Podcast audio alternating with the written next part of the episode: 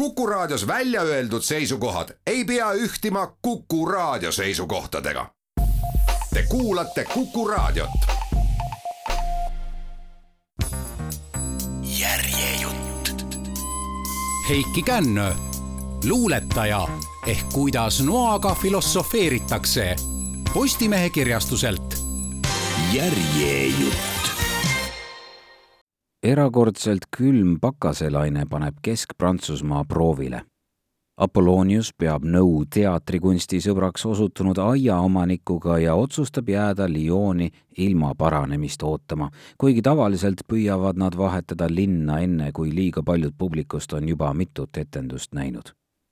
üdini tungival vingel tuulel on üllatav mõju otse kui tuleasemete soojusest ei piisaks ja linnaelanikud igatseksid lisasoojendust oma vaimule, on teater Vasilevski etendused jätkuvalt välja müüdud. edu kõrval areneb aga välja teine nähtus, mida Apollonius püüab kassakõlina kaudu näha positiivsest vaatenurgast, kuid mis ajab eelkõige Theodor Hesslingi kimbatusse. publik ei malda püsida vakka on võimalik, et rahutust põhjustab Theodori artikulatsioon. etteasted muutuvad naermisele õhutavate vahelehüüete tõttu segapudruks ja nad märkavad, et mõned häirijad ilmuvad etendustele õhtu õhtu järel. Theodor võrdleb publiku käitumist sellega, kuidas võeti Pariisis vastu Richard Wagneri Tannhäuser ja räägib vahel kogu näidendi jooksul saksa keeles. mõnel korral tekib tal vaatajatega sõnavahetus mõne korra kohtab ta tuttavana paistvaid nägusid kõrtsis ja tuleb tagasi laagrisse verevalumid lõuapäradel ja riided rebenenud. Apollonius püüab teda rahustada. pidagem meeles, et meie prantslastest sõbrad maksavad kahtlase meelelahutuse eest, nad teevad lärmiga korda meie majapidamise. Theodor sülitab maha ja klopib mütsi tolmust puhtaks kui mind huvitaks tolakarjäär, läheksin tööle tsirkusesse. ma tahan nende neetud õhtute eest lisatasu. vastasel juhul keeldun ennast veel kord alandamast. Lorraini tähelepanuväärne omadus on tema võime teiste tunnetesse süüvida.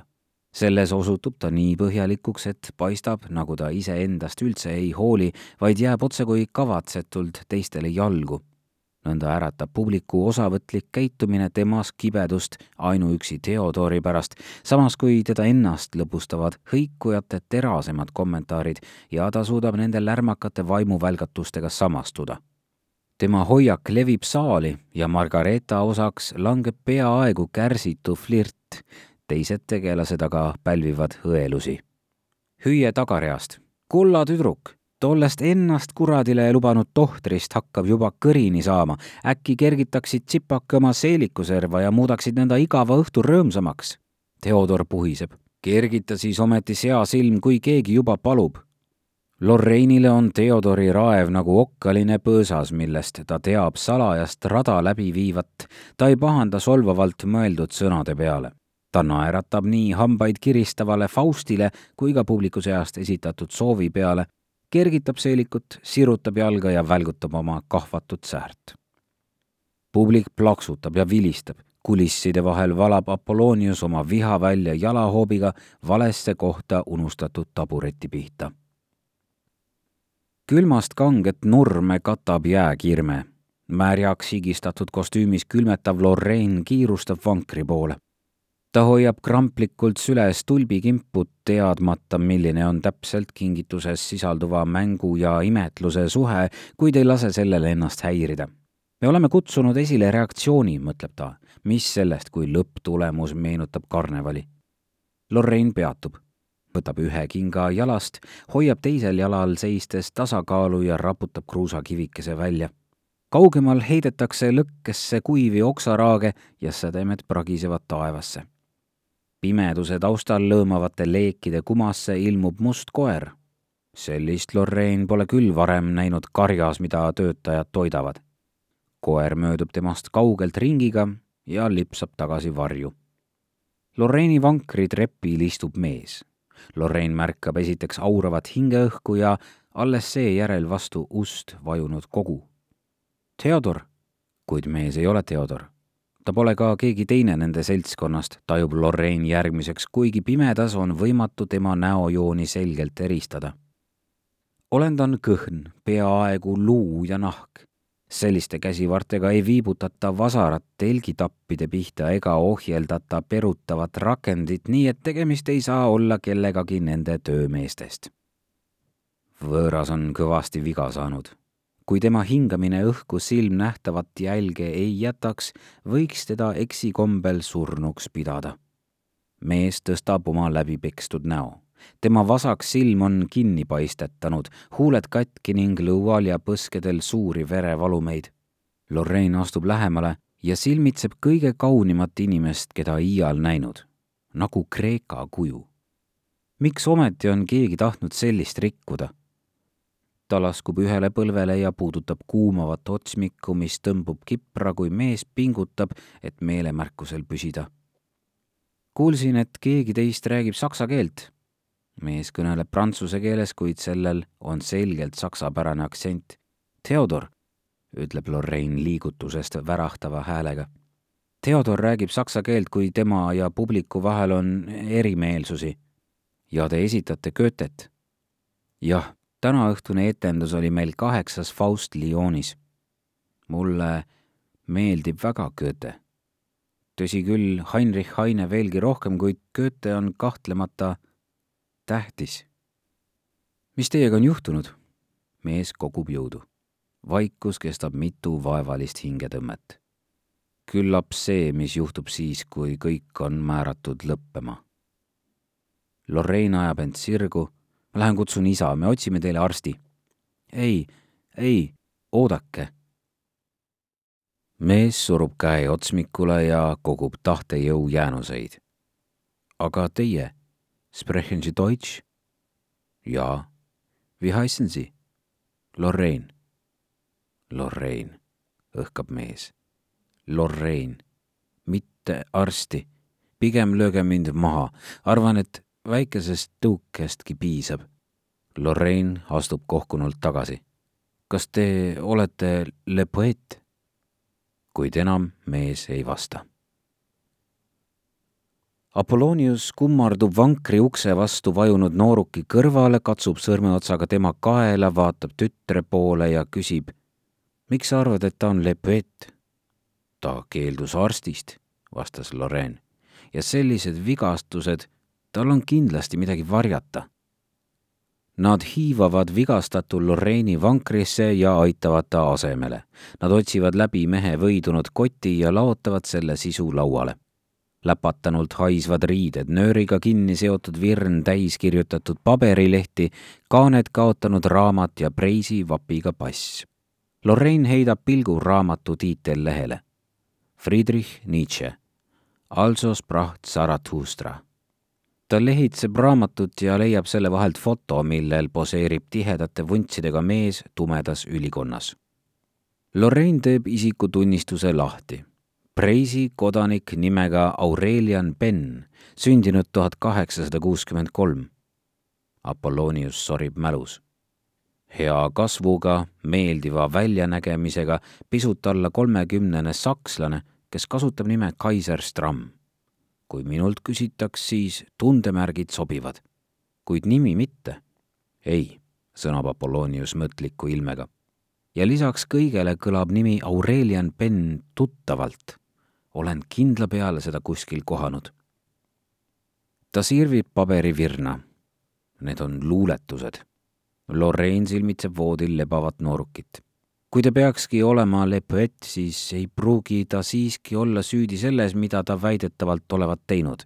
vigastuste põhjal paistab Aurelian ise õnnetu ohvrina. Apollonius noogutab. me ei anna oma kaasmaalast selle vääritu rahvajõugu kätte hukkamiseks tühipalja kahtluse alusel.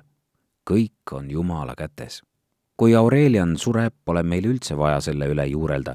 kui ta jääb ellu, kaitsku ennast ise kolme järgmise ööpäeva jooksul suudab Aurelian Penn sängist tõusta ainult teiste toel. esimene ööpäev on kõige hullem ja siis paistab tõesti sedamoodi, et ta on otsustanud surra.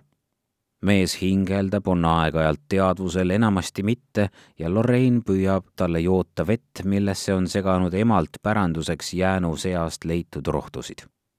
Kui Aurelian vahel virgub, hiilgab ta löökide eest pääsenud silm palavikuliselt mustade kulmukarvade all, ta ei reageeri kõnetamisele ega ürita pakutud vedelikku neelata tarmukamalt kui teadvusetultki. aga Lorraine teab, et mees ei ole alla andnud kui Aurelian oleks alla andnud, poleks ta tulnud meie juurde. Lorrainile tundub, et keerubi näoga mehe hing ootab vaid väikese ergutuse kaugusel elluärkamist. Ta valvab öö läbi ja loodab parimat. kuid Aurelian püsib vakka. ühtki sosinatki ei kosta tema verevermeis huultelt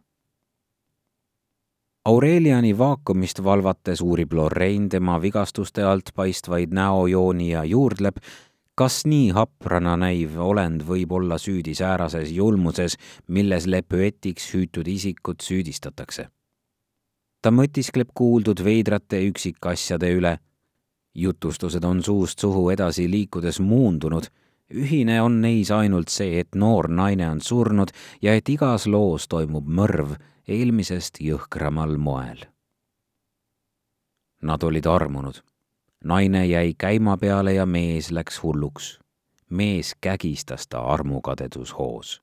Mees haaras terava noa, avas tema kõhu ja lõikas lapse ta üsast välja.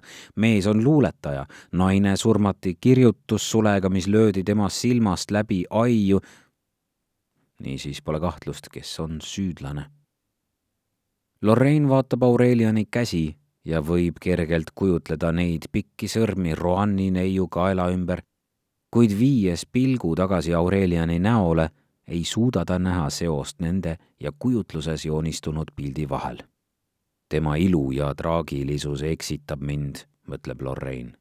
kohtunik kindlasti ei hindaks teda samast vaatenurgast. ja ta mõtleb, ma kaitsen mõrvarit. kuid siis ta mõtleb Need vigastused ei tekkinud iseenesest, need ei sobi kokku sellega, millest räägitakse. Lorraine lõikab paberilehti koos hoidvad nöörid läbi ja loeb korratu, peaaegu loetamatu käekirjaga üles tähendatud sõnu. miks kirjutamist armastava isiku käekiri on nii hoolimatu? paberid on soperdatud täis ja read tiirutavad igasse suunda Need põimuvad, jätkuvad üksteise peal, siirduvad vajadusel lehe teisele poolele või muude ülestähenduste keskele kuhugi sellisesse kohta, kus on veel olnud tühja ruumi ja Lorraine loeb katkendeid, oskamata neid omavahel ühendada. Aureliani asjade seas ei ole kirjutussulge. võib-olla ei tahtnud ta sulge enam kätte võtta pärast seda, kui oli Lorraine raputab võimatu mõtte peast. ta leiab luuletuse, milles mainitakse lähedal asuvat Roanni linna. Luuletus kirjeldab jutustaja kirge, mis salm-salmilt kasvab elust suuremaks armastuseks. ja Lorraine võpatab, mõeldes, et tundetormi sihtpunkt on arvatavasti sama, kelle kaela ümber on keerdunud mõrtsukas sõrmed ta heidab pilgu Aureliani liikumatule näole ja loeb luuletust uuesti. siis märkab teist mis seostub eelmisega, ja kolmandat, ta mõtleb, nende sõnade kirjutaja ei ole mõrtsukas, muidu pöörduks kogu maailm pahupidi. kuid siis ta mõtleb, kas ma lasen kaunitel sõnadel ennast eksitada? kohtunik kindlasti nii ei mõtleks. ehk on olnud abi antud rohtudest, ehk Aurelian Penni noorest east luiseks raoks kõhetunud keha võidab ja palavik hakkab alanema. teisel hommikul avab Aurelian silmad, kolmandal hommikul on võimalik temaga rääkida. Lorraine ulatab supikausi ja mees rüüpab mõne suutäie sooja leent. vigastused ta näol on vahetanud värvi ja paistavad endisest jubedamad. kollased, rohelised, mustad, purpursed ja violetsed, surmale vihjavad toonid haav silmanurgas on põletikuliseks muutunud. Lorraine puhastab seda konjakiga ja pakub lonksu ka juua. Aurelian naeratab väsinult. Näen vist kole välja. ma ei anna teile peeglit, parem on, kui te kogu tõde ei tea.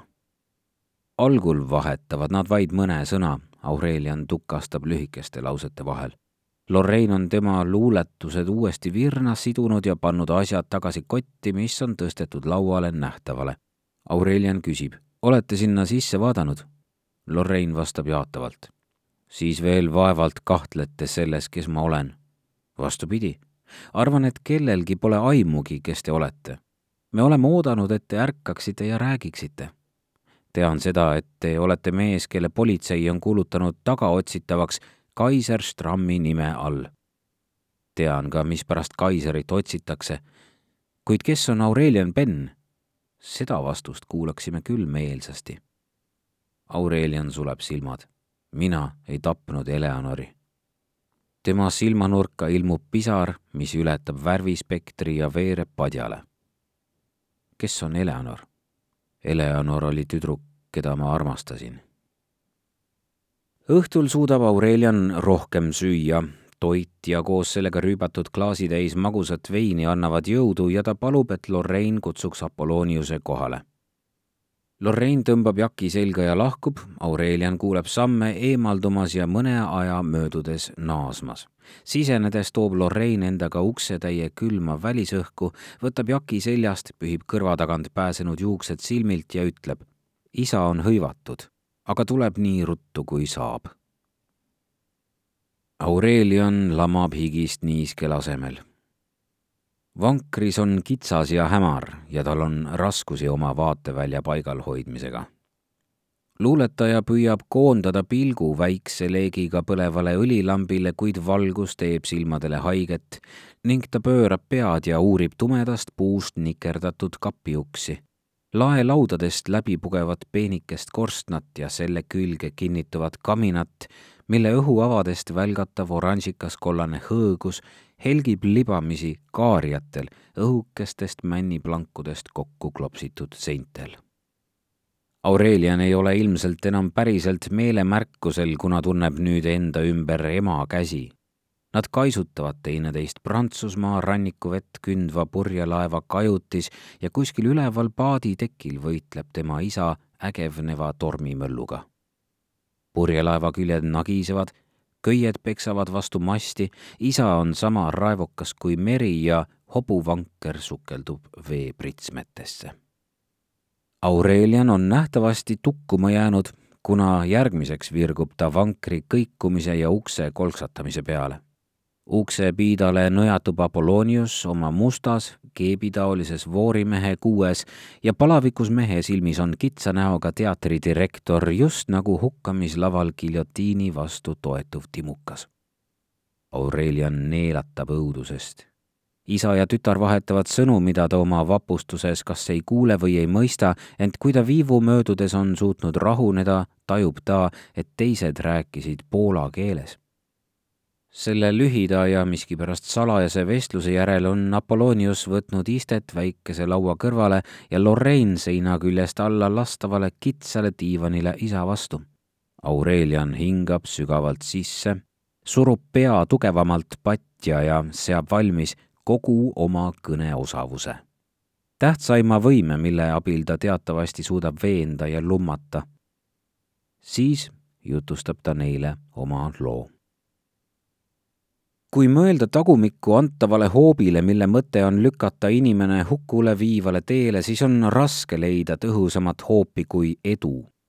sellise hoobi osaliseks sain kolme aasta eest, kui alustasin teoreetilise filosoofia õpinguid Berliinis Friedrich Wilhelmi ülikoolis ma olen alati armastanud poeesiat ja kirjutamist. minu kodustes oludes oli kirjalikule kirele keskendumine parim moodus pääseda majapidamise probleemidega heitlevate vanemate lõputu kaeblemise ja kõige selle kaeblemisega liituva eest.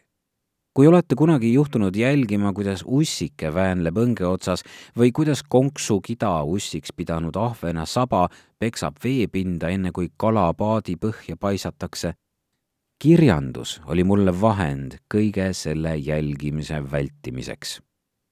kirjanduslik kirg oli ka kõige kaalukam põhjus minu ainevalikul ja ilma poeesiata poleks ma tõenäoliselt mitte kunagi suutnud koguda endas piisavalt jõudu, et pürgida ja pääseda mainitud teaduse templisse olin muidugi uuest ümbrusest vaimustatud, aga mitte niivõrd tüütuteks osutunud loengute, vaid oma üüritoa võimaldatud iseseisvumise ja saavutatud vabaduse pärast.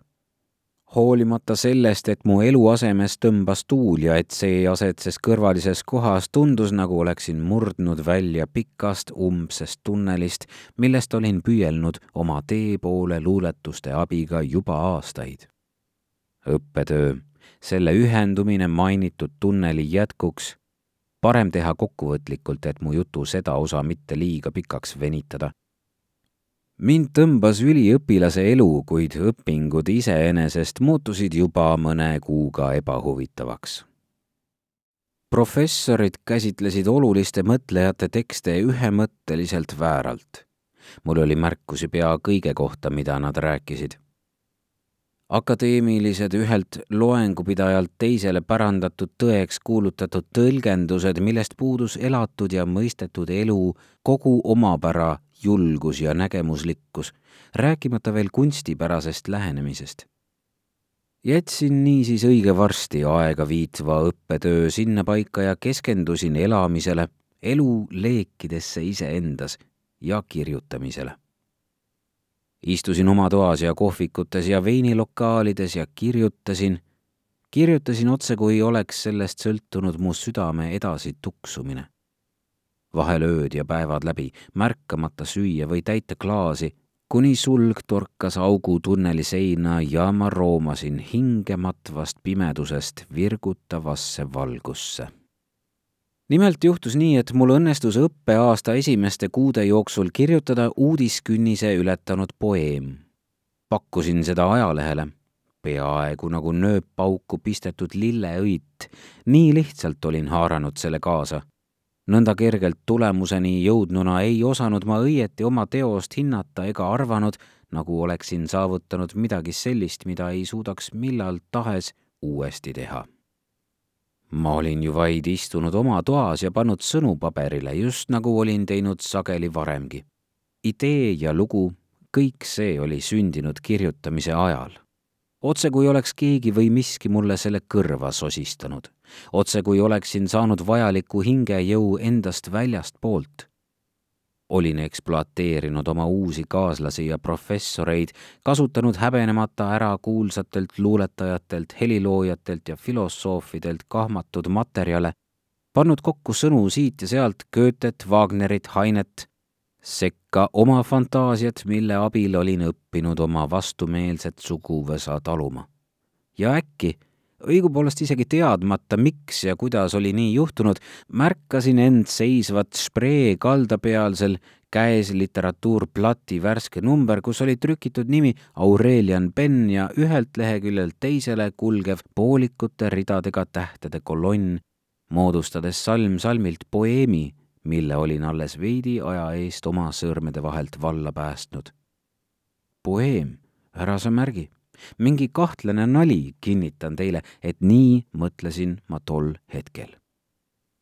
mõtlesin, et olin neid tüssanud, mõtlesin, et olin kogu kirjameeste kampa ninapidi vedanud, eelkõige seda halli habemega pisikest peatoimetajat, herr Archimbald Saksi, kes esimesena lausus minu tekstiga seoses Goethe nime mõtlemata seejuures poeemi teemat, mis oleks olnud liigagi ilmne, vaid midagi sügavamat, midagi kõikehõlmavat, mis tekitas tema silmades lausa jumaldava sära. poeemi nimi oli Fausti needus ja ma mõistsin selle geniaalsust alles tol kõnealusel hommikul, lugedes sõnu, mis võtsid mul põlved nõrgaks ja panid pisarad voolama, nii et pidin silla käsipuule toetuma. sest need sõnad olin kirjutanud mina Aurelian Penn, ei keegi muu. Fausti needus, ütleb Apollonius silmi vidutades ja terava lõuaga noogutades. sellest on niisiis tuttav nimi Aurelian Penn. tema pilgus vilksatab kübeke austust, mis taandub peaaegu kohe kahtluse ees. olge hea, ütleb ta ja noogutab sõnade rõhutamiseks. jätkake, teie lugu muutub huvitavaks kui olete poeemi lugenud, pole mul tarvis selle sisust täpsemat ülevaadet anda.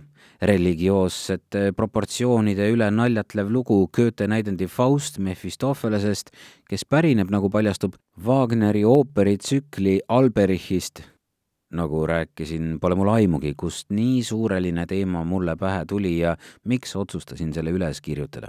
miks just selle ja mitte midagi muud? Võib-olla mõni õlleauruse kõrtsivestluse, võib-olla kuhugi teadvuse põhja jäätunud unenäo. kirjutama asumise hommikul ärkasin eelmisel ööl juhtunu unustanult oma voodis täies rõivas välisuks ristseliti lahti ja porised kingadki veel jalas ning väiksemat sorti, kuid seda valusam haav otsa ees, justkui noa otsaga torgatud. Padjapüür oli haavast voolanud vere sisse kinni kuivanud ja padi tõusis kaasa, kui pead kergitasin.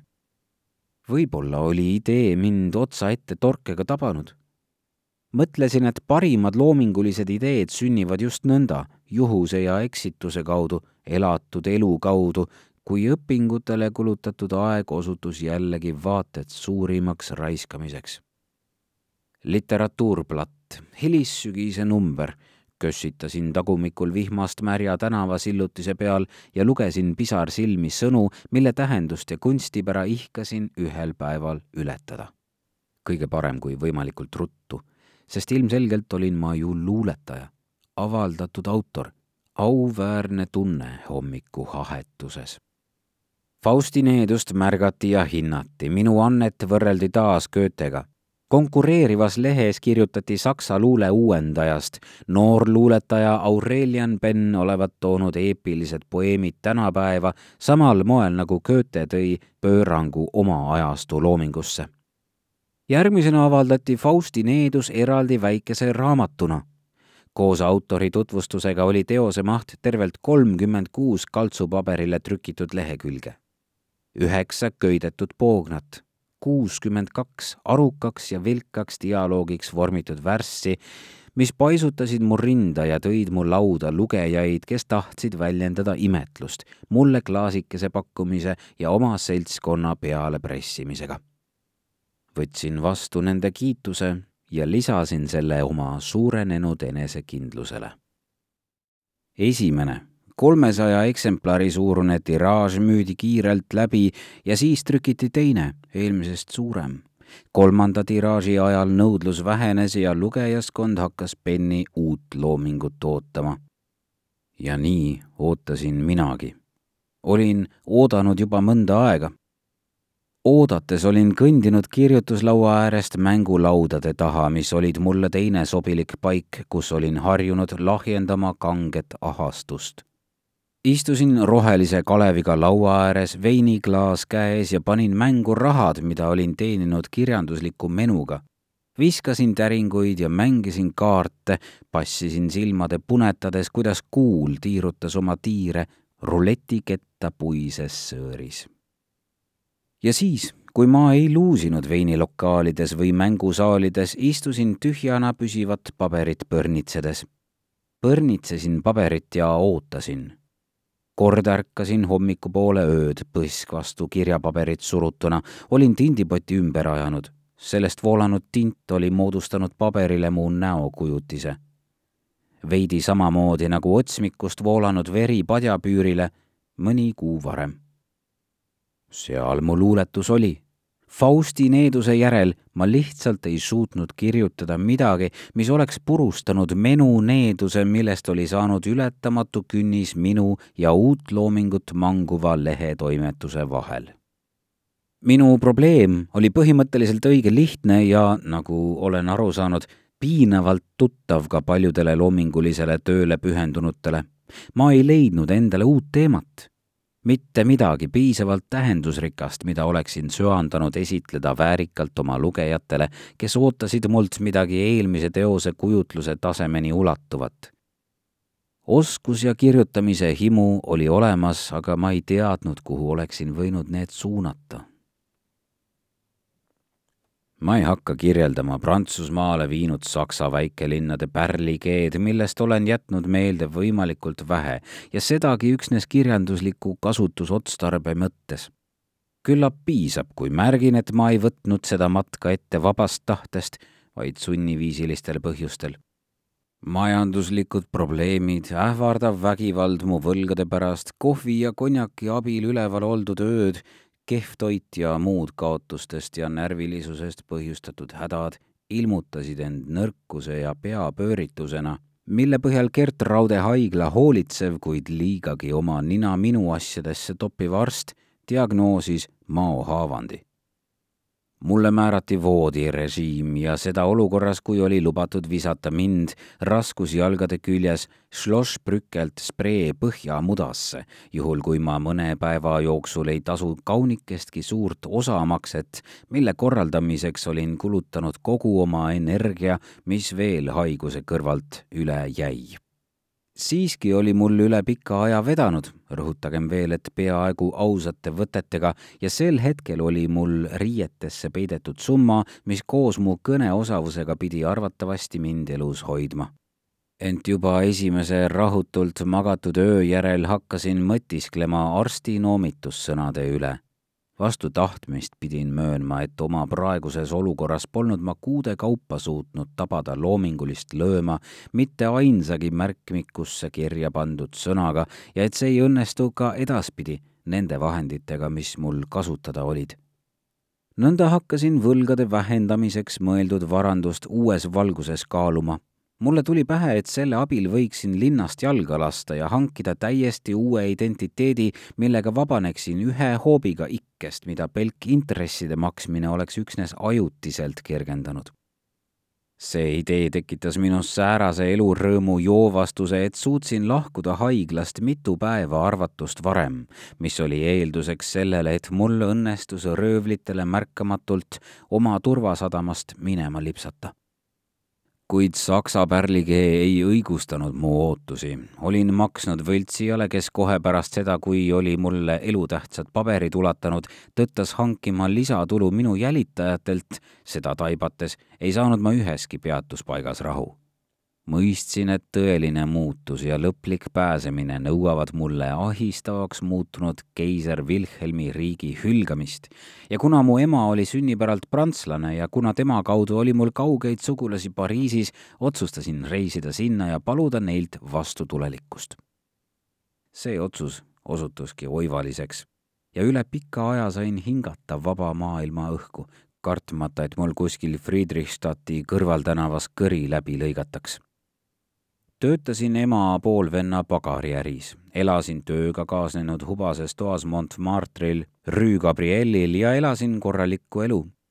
kõndisin iga päev Montmartri künkale, ronisin mööda mudaseid nõlvakuid, kus teid ääristasid osmikud ja hoolitsesin selle eest, et mingil ettekäändel poleks loobunud kahest toidukorrast päevas. nii kadusid peagi pärast linna asumist mu kehalised vaevad keskkonnavahetus kergendas ka Fausti needuse põhjustatud koormat ja üle hulga aja suutsin kirjutada. mõtlesin võimalikult vähe menule ja sellele järgnenud kaotatud võimalustele. uskusin, et Fausti needuse täielik unustamine oleks ainus tee minu kirjutusvõime tagasipöördumisele ja soojendasin sõrmi leekides, mis viisid ainsa minu valduses säilinud raamatu eksemplari tuhana Pariisi taevasse idüll kestis üle poole aasta, kuni kõik lõppes kütkestava naeratuse ja jahutolmuse laohoone võimaldatud privaatsuse tagajärgedega. järjejutt. Heiki Kännö, luuletaja ehk kuidas noaga filosofeeritakse Postimehe kirjastuselt. järjejutt